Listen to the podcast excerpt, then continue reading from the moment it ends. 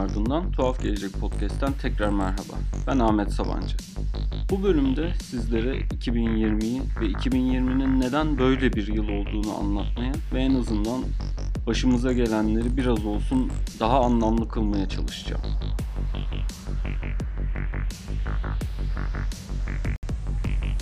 Sanırım 2020'nin nasıl bir yıl olduğunu ya da işte pandeminin nasıl etkilerinin olduğunu anlatmama pek de gerek yok. Kişisel olarak ve en azından tuhaf gelecek açısından bakacak olursam diyebileceğim en belki de sizler için ilgi çekici şeylerden bir tanesi tuhaf geleceğin gerçekten bu yılın önemli bir kısmında ara vermiş olduğuna çok memnun olmam. Eğer hatırlarsanız 2020'nin başlarında özellikle bahar ve yaz aylarında herkes büyük büyük analizlerden bahsediyor. Yeni normale alışmaktan, yeni normal, işte değişen düzen gibi kavramlardan bahsediyor. Büyük büyük laflar ediyordu.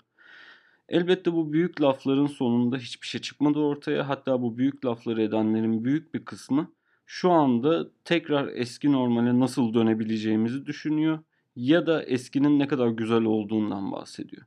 Bunun sebebi elbette aslında o hayallerindeki o yeni normalin hiç de umdukları gibi bir şey olmadığını çok kısa sürede fark etmeleri ve bunu en kısa sürede nasıl geriye döndüreceklerini düşünmeye başlamaları. Eğer buna örnek arıyorsanız şu anda artık hani yılın sonuna geldiğimiz ve 2021'e girmeye başladığımız için yayınlanmaya başlayan önümüzdeki yıl tahminlerine, trend raporlarını veya strateji raporlarına bakmak olacaktır. Çok rahat bir şekilde göreceksiniz ki herkes bir an önce bu 2020'den önceki halimize dönmek için ne yapmamız gerektiğini düşünüyor. Bu yüzden de örneğin işte şu an aşının yavaş yavaş dünyaya dağılmasına karşı büyük bir coşku, büyük bir sevinç var. Ancak sorunumuz da aslında tam olarak burada başlıyor. Çünkü şu anda büyük bir özlem duyduğumuz ve bir an önce dönmek için uğraştığımız o eski normal şu anda yaşadığımız ve 2020 boyunca başımızdan geçen hemen her şeyin ana sebeplerinden bir tanesi. Ancak bunu daha iyi bir şekilde anlayabilmemiz ve belki de bundan sonrasında ne yapacağımız bulmak için bir takım yeni kavramlara, yeni perspektiflere ihtiyacımız var. Amacım bu ve bir sonraki bölümde biraz olsun bu yeni kavramlarla sizleri tanıştırabilmek ve belki hiç değilse üzerine kafa yorabileceğimiz bir iki tane fikirden ya da stratejiden bahsetmek olacak. Öncelikle yapmamız gereken şeylerden bir tanesi neden sorunun aslında eski normalde olduğuna bakmak olacak. Elbette bunun için tuhaf geleceğin önceki bölümlerinde ya da işte farklı yerlerde yazdığım yazılarda sıkça değindiğim içinde yaşadığımız sistemin kompleksliği sorunu var. Bu komplekslik artık hani hiç kimsenin inkar edemeyeceği bir seviyede ve pandemi aslında bu kompleksliğin ne kadar tehlikeli bir şey olabileceğini de bize açık bir şekilde gösterdi. Hani bunu belki de en net bir şekilde meşhur tuvalet kağıdı vakasıyla açıklayabiliriz. Hatırlarsanız Şubat ve Mart aylarında özellikle o iki ay içerisinde bir tuvalet kağıdı krizi yaşamıştık ve birçok yerde tuvalet kağıdı ve bununla birlikte un, makarna gibi çok temel şeyleri bulmak giderek zorlaşmıştı. Ancak hani bu elbette bir kriz olarak gündem oldu. Üzerine konuştuk, esprilerini yaptık, geyiklerini çevirdik ama bunun sebebi neydi diye dönüp baktığımızda aslında içinde yaşadığımız sistemin ne kadar tam da yetecek kadar bir stok tutma, üretim yapma ve bunu dağıtma üzerine kurulu olduğuyla alakalı. Çünkü bundan önce marketler, depolarını ve fabrikalar aslında tamamen sistematik bir şekilde bulundukları yer veya dağıtım yaptıkları yer üzerinden çok ince hesaplarla sadece yetecek kadar üretim yapan, depolayan ve stokta bulunduran bir sistem üzerinden çalışıyordu. Elbette bu sistem insanların elle tasarladığı bir şey olsa da kendisi bunu düzenli olarak optimize ettiğinden ve tam olarak insanlar yani orada çalışan kişiler buna yeri geldiğinde müdahale edemediğinden dolayı da aslında o Mart ayındaki meşhur tuvalet kağıdı krizini yaşadık. Çünkü içinde yaşadığımız bu sistem ve bizim hayatımızı sürdürmemize yardımcı olan o parçaları o kadar kompleks ve o kadar detaylı küçük küçük parçalardan oluşuyor ki bunu insanların tek başına yönetmesi, kontrol etmesi veya optimize etmesi mümkün değil. Ancak bunu daha büyük sistemlere, algoritmalara teslim ettiğimiz zamansa bu tarz ani değişikliklere ve beklenmedik olaylara hiçbir şekilde hazırlıklı olamıyorlar. Çünkü bu tarz sistemler genellikle ideal koşulları yani normal koşulları düşünerek tasarlanıyor ve bunlara uyum sağlayacak şekilde bir esneklik onlara sunuluyor. Bu elbette hani sadece marketlerle ya da fabrikalarla alakalı bir durum da değil. Neredeyse içinde yaşadığımız sistemin en küçük parçasından en büyüğüne kadar bu tarz optimizasyonlarla, bu tarz algoritmik denetimlerle sürdürülüyor ve devam ettiriliyor.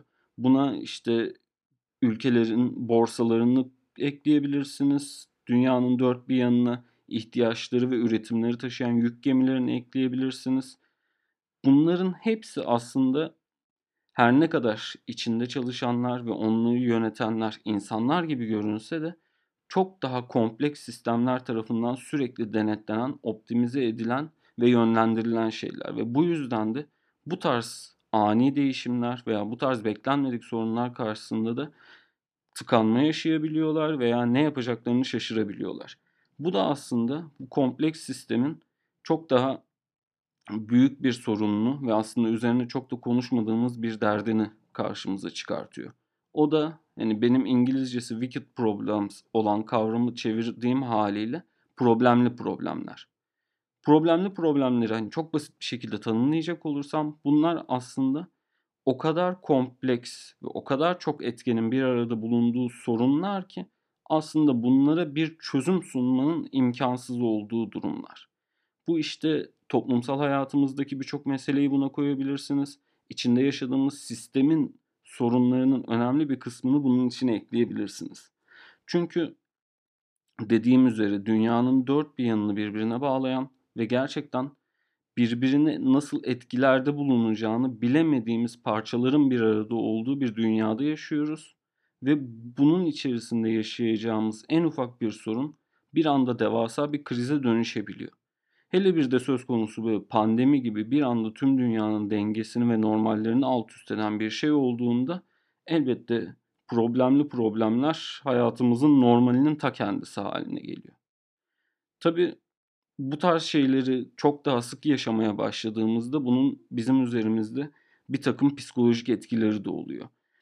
Bu psikolojik etkiyi ise aslında en basit şekilde bir varoluşsal anksiyete olarak tanımlayabiliriz.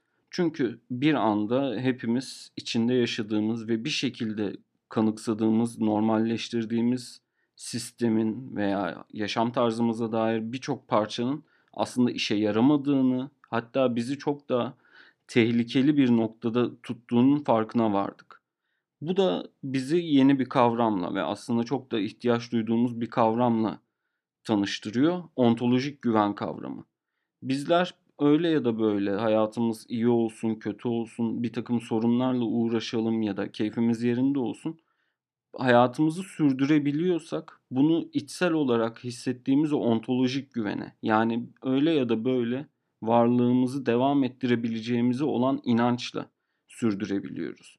Bu inancı ise genellikle mitlerle hani bu dünya görüşünüz olabilir, inancınız olabilir ya da dünyaya genel olarak bakışınız olabilir.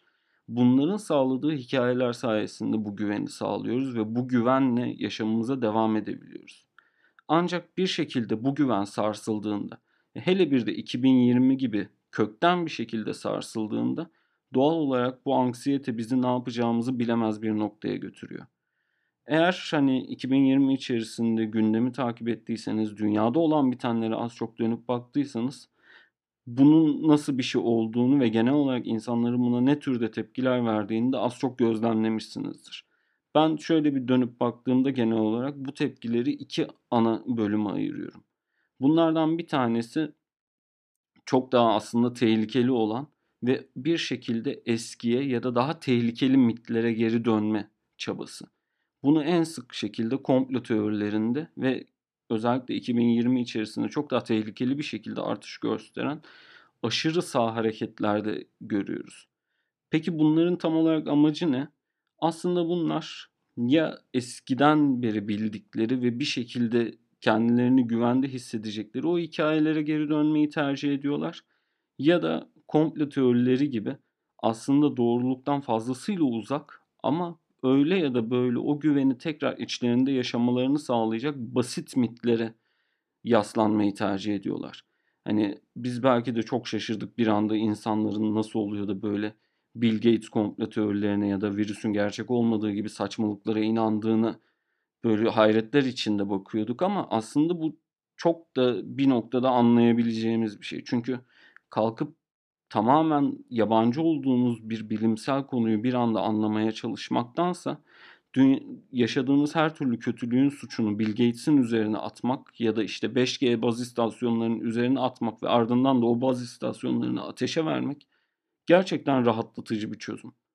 Elbette hani bu hiçbir şekilde bunu onayladığım ya da işte bunun mantıklı olduğunu söylediğim anlamına gelmiyor. Ancak hem dediğim gibi daha faşizan ve aşırı sağ hareketler hem de komplo teorileri bu basit mitlerden, bu kolay anlatılardan beslenerek kendilerini psikolojik olarak rahatlatmaya ve hani bir şekilde buna bir çözüm bulmaya çalışıyorlar. İkinci yaklaşım ise öyle ya da böyle kendisine ve etrafındaki topluluğa yetebilme hissini yaşama, yaşamaya yönelik olanlar. Peki bunun örneklerini nasıl gördük? Yani hepimiz biliyoruz hatta bir takım sosyal medya gevezeleri bunun geyiğini, esprisini yaparak da primini yaptılar ama insanların kendi yemeklerini yapmaya başlamaları, kendi ekmeklerini, makarnalarını gibi temel ihtiyaçlarını üretmeye başlamaları, bu konuda kendilerini ve yeteneklerini geliştirmeye çabalamaları, kendileri evde bir şekilde bitki yetiştirmeye, sebze meyve yetiştirmeye başlamaları, daha fazla evcil hayvan sahiplenmeye ve edinmeye çalışmaları ve hatta etraflarındaki insanlara daha fazla nasıl yardım edebileceklerini, onlara nasıl daha fazla destek olabileceklerini düşünüp buna dair bir şeyler yapmaya çalışmalarının hepsi bu kategoriye giriyor. Bu aslında insanların içlerinde yaşadıkları sisteme ve o güvendikleri bir şekilde hayatlarını teslim ettikleri mekanizmalara güvenlerini yitirmeleri ve bu yüzden de buna alternatif olarak kendi sistemlerini ya da kendi çözümlerini üretmeye çalışmalarının bir sonucu. Elbette hani bu tek başına ya da işte 3-5 kişinin bir mahallenin yaparak yeterli olabileceği ya da çözebileceği bir şey değil. Ancak hani dönüp komplo teorilerine ya da radikal sağcı hareketlere bel bağlamaktansa bu tarz bir çözüm bize ileriye dönük daha da iyimser bir bakış açısı sağladığından dolayı hani belki de daha tercih edilebilecek ve daha desteklenebilecek şeylerden birisi. Ki zaten eğer biraz daha küresel bir şekilde bakacak olursanız benzer şekilde geçmişteki yıllarda daha arka planda ve yavaş yavaş gelişmekte olan solar punk gibi daha optimist ve insanların kendi kendilerine yetebildiği ütopik bilim kurgu akımları da bu dönemde giderek daha da popülerleşti ve daha fazla konuşulmaya başladı. Bunlar aslında birbirlerini destekleyen, birbirlerini besleyen mekanizmalar.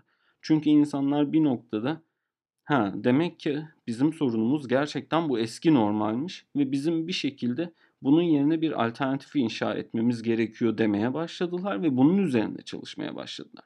Bu kimisi için bir evinde sadece birkaç tane yeşillik yetiştirmek olabilir. Kimisi için mahallesinde ihtiyacı olan insanlara destek olmak olabilir. Kimisi içinse çok daha büyük politik hayaller kurmak ve bunun geliştirilmesini sağlamak olabilir. Sonuçta her insan o anda kendi gücünün ve yeteneklerinin yetebildiği kadarıyla bir şeyler yapıyor ve aynı zamanda tabii ki bu 2020'nin ve dünyanın üzerine getirdiği tüm bu saçmalıklarla uğraşmaya da devam etmek zorunda kalıyor.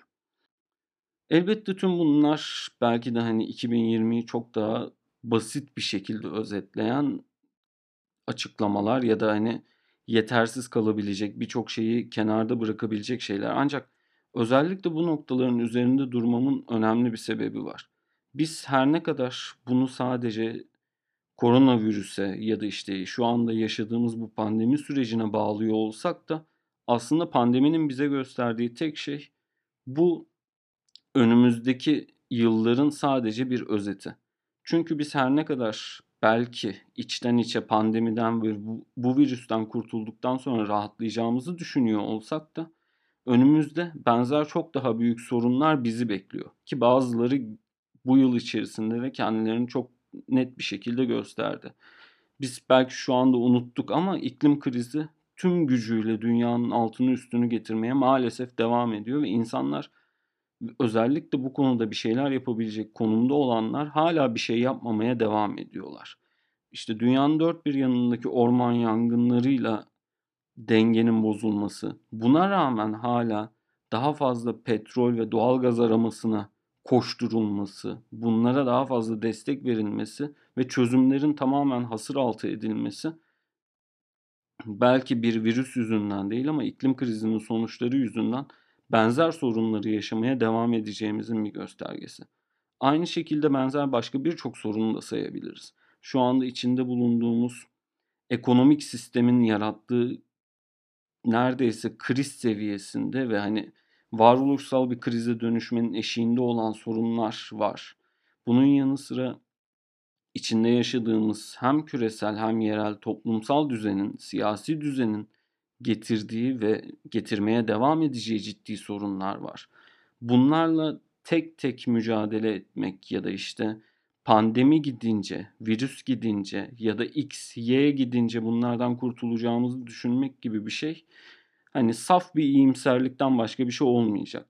Bunun yerine bizim çok daha kapsamlı bir şekilde önümüzdeki geleceği nasıl daha iyi düşünebileceğimiz, anlayabileceğimiz ve üretebileceğimize kafa yormamız gerekiyor. Bunun için de eski normali de, yeni normali de bir kenara bırakıp kendi yenimizi, kendi geleceğimizi nasıl kurabileceğimize dair kafa yormamız lazım. Bunu yapmak için yeni araçlara, yeni kavramlara, yeni fikirlere ve perspektiflere ihtiyacımız var. Bu yüzden de aslında tuhaf geleceğin tam da bu zamanda geri dönmesini tercih ettim. Çünkü artık o pandemiyle birlikte başlayan yeni normal ya da gelecek analizi safsatalarının büyük bir kısmı gitti. Gerçekten bu konuya kafa yormak isteyen ve bu konuda bir şeyler yapmak, söylemek, üretmek isteyen insanlar hala bu konuda konuşuyorlar. Böyle bir ortamda bulunmaktan ve asıl bu konuşmaya, bu diyaloğa bir katkıda bulunmaktan çok daha memnun olacağım için tuhaf gelecek artık tekrar karşınızda. Çok kısa bir süre sonra bunun ikinci kısmıyla neler yapabileceğimiz ya da nasıl yeni araçlar kullanabileceğimiz kısmıyla tekrar karşınızda olacağım. O bölümün sonunda da önümüzdeki yıl itibariyle tuhaf geleceğin nasıl bir süreç izleyeceğini de benden tekrar dinleyebileceksiniz. Eğer bu süreçte benimle iletişime geçmek istiyorsanız ya da tuhaf geleceğin yaptığı şeyleri takip etmek istiyorsanız web sitemiz tuhafgelecek.com. Bunun yanı sıra bildiğiniz, tahmin ettiğiniz muhtemelen birçok sosyal medya platformunda mevcutuz. Aynı zamanda tuhaf geleceği dinleyen ve bu konuda bir şeylere kafa yormak isteyen herkese açık olan bir Discord sunucumuz da var. Onun da linkini hem açıklama kısmında hem de web sitede bulabilirsiniz. Şimdilik benden bu kadar. Bir sonraki bölümde görüşmek üzere. Thank you.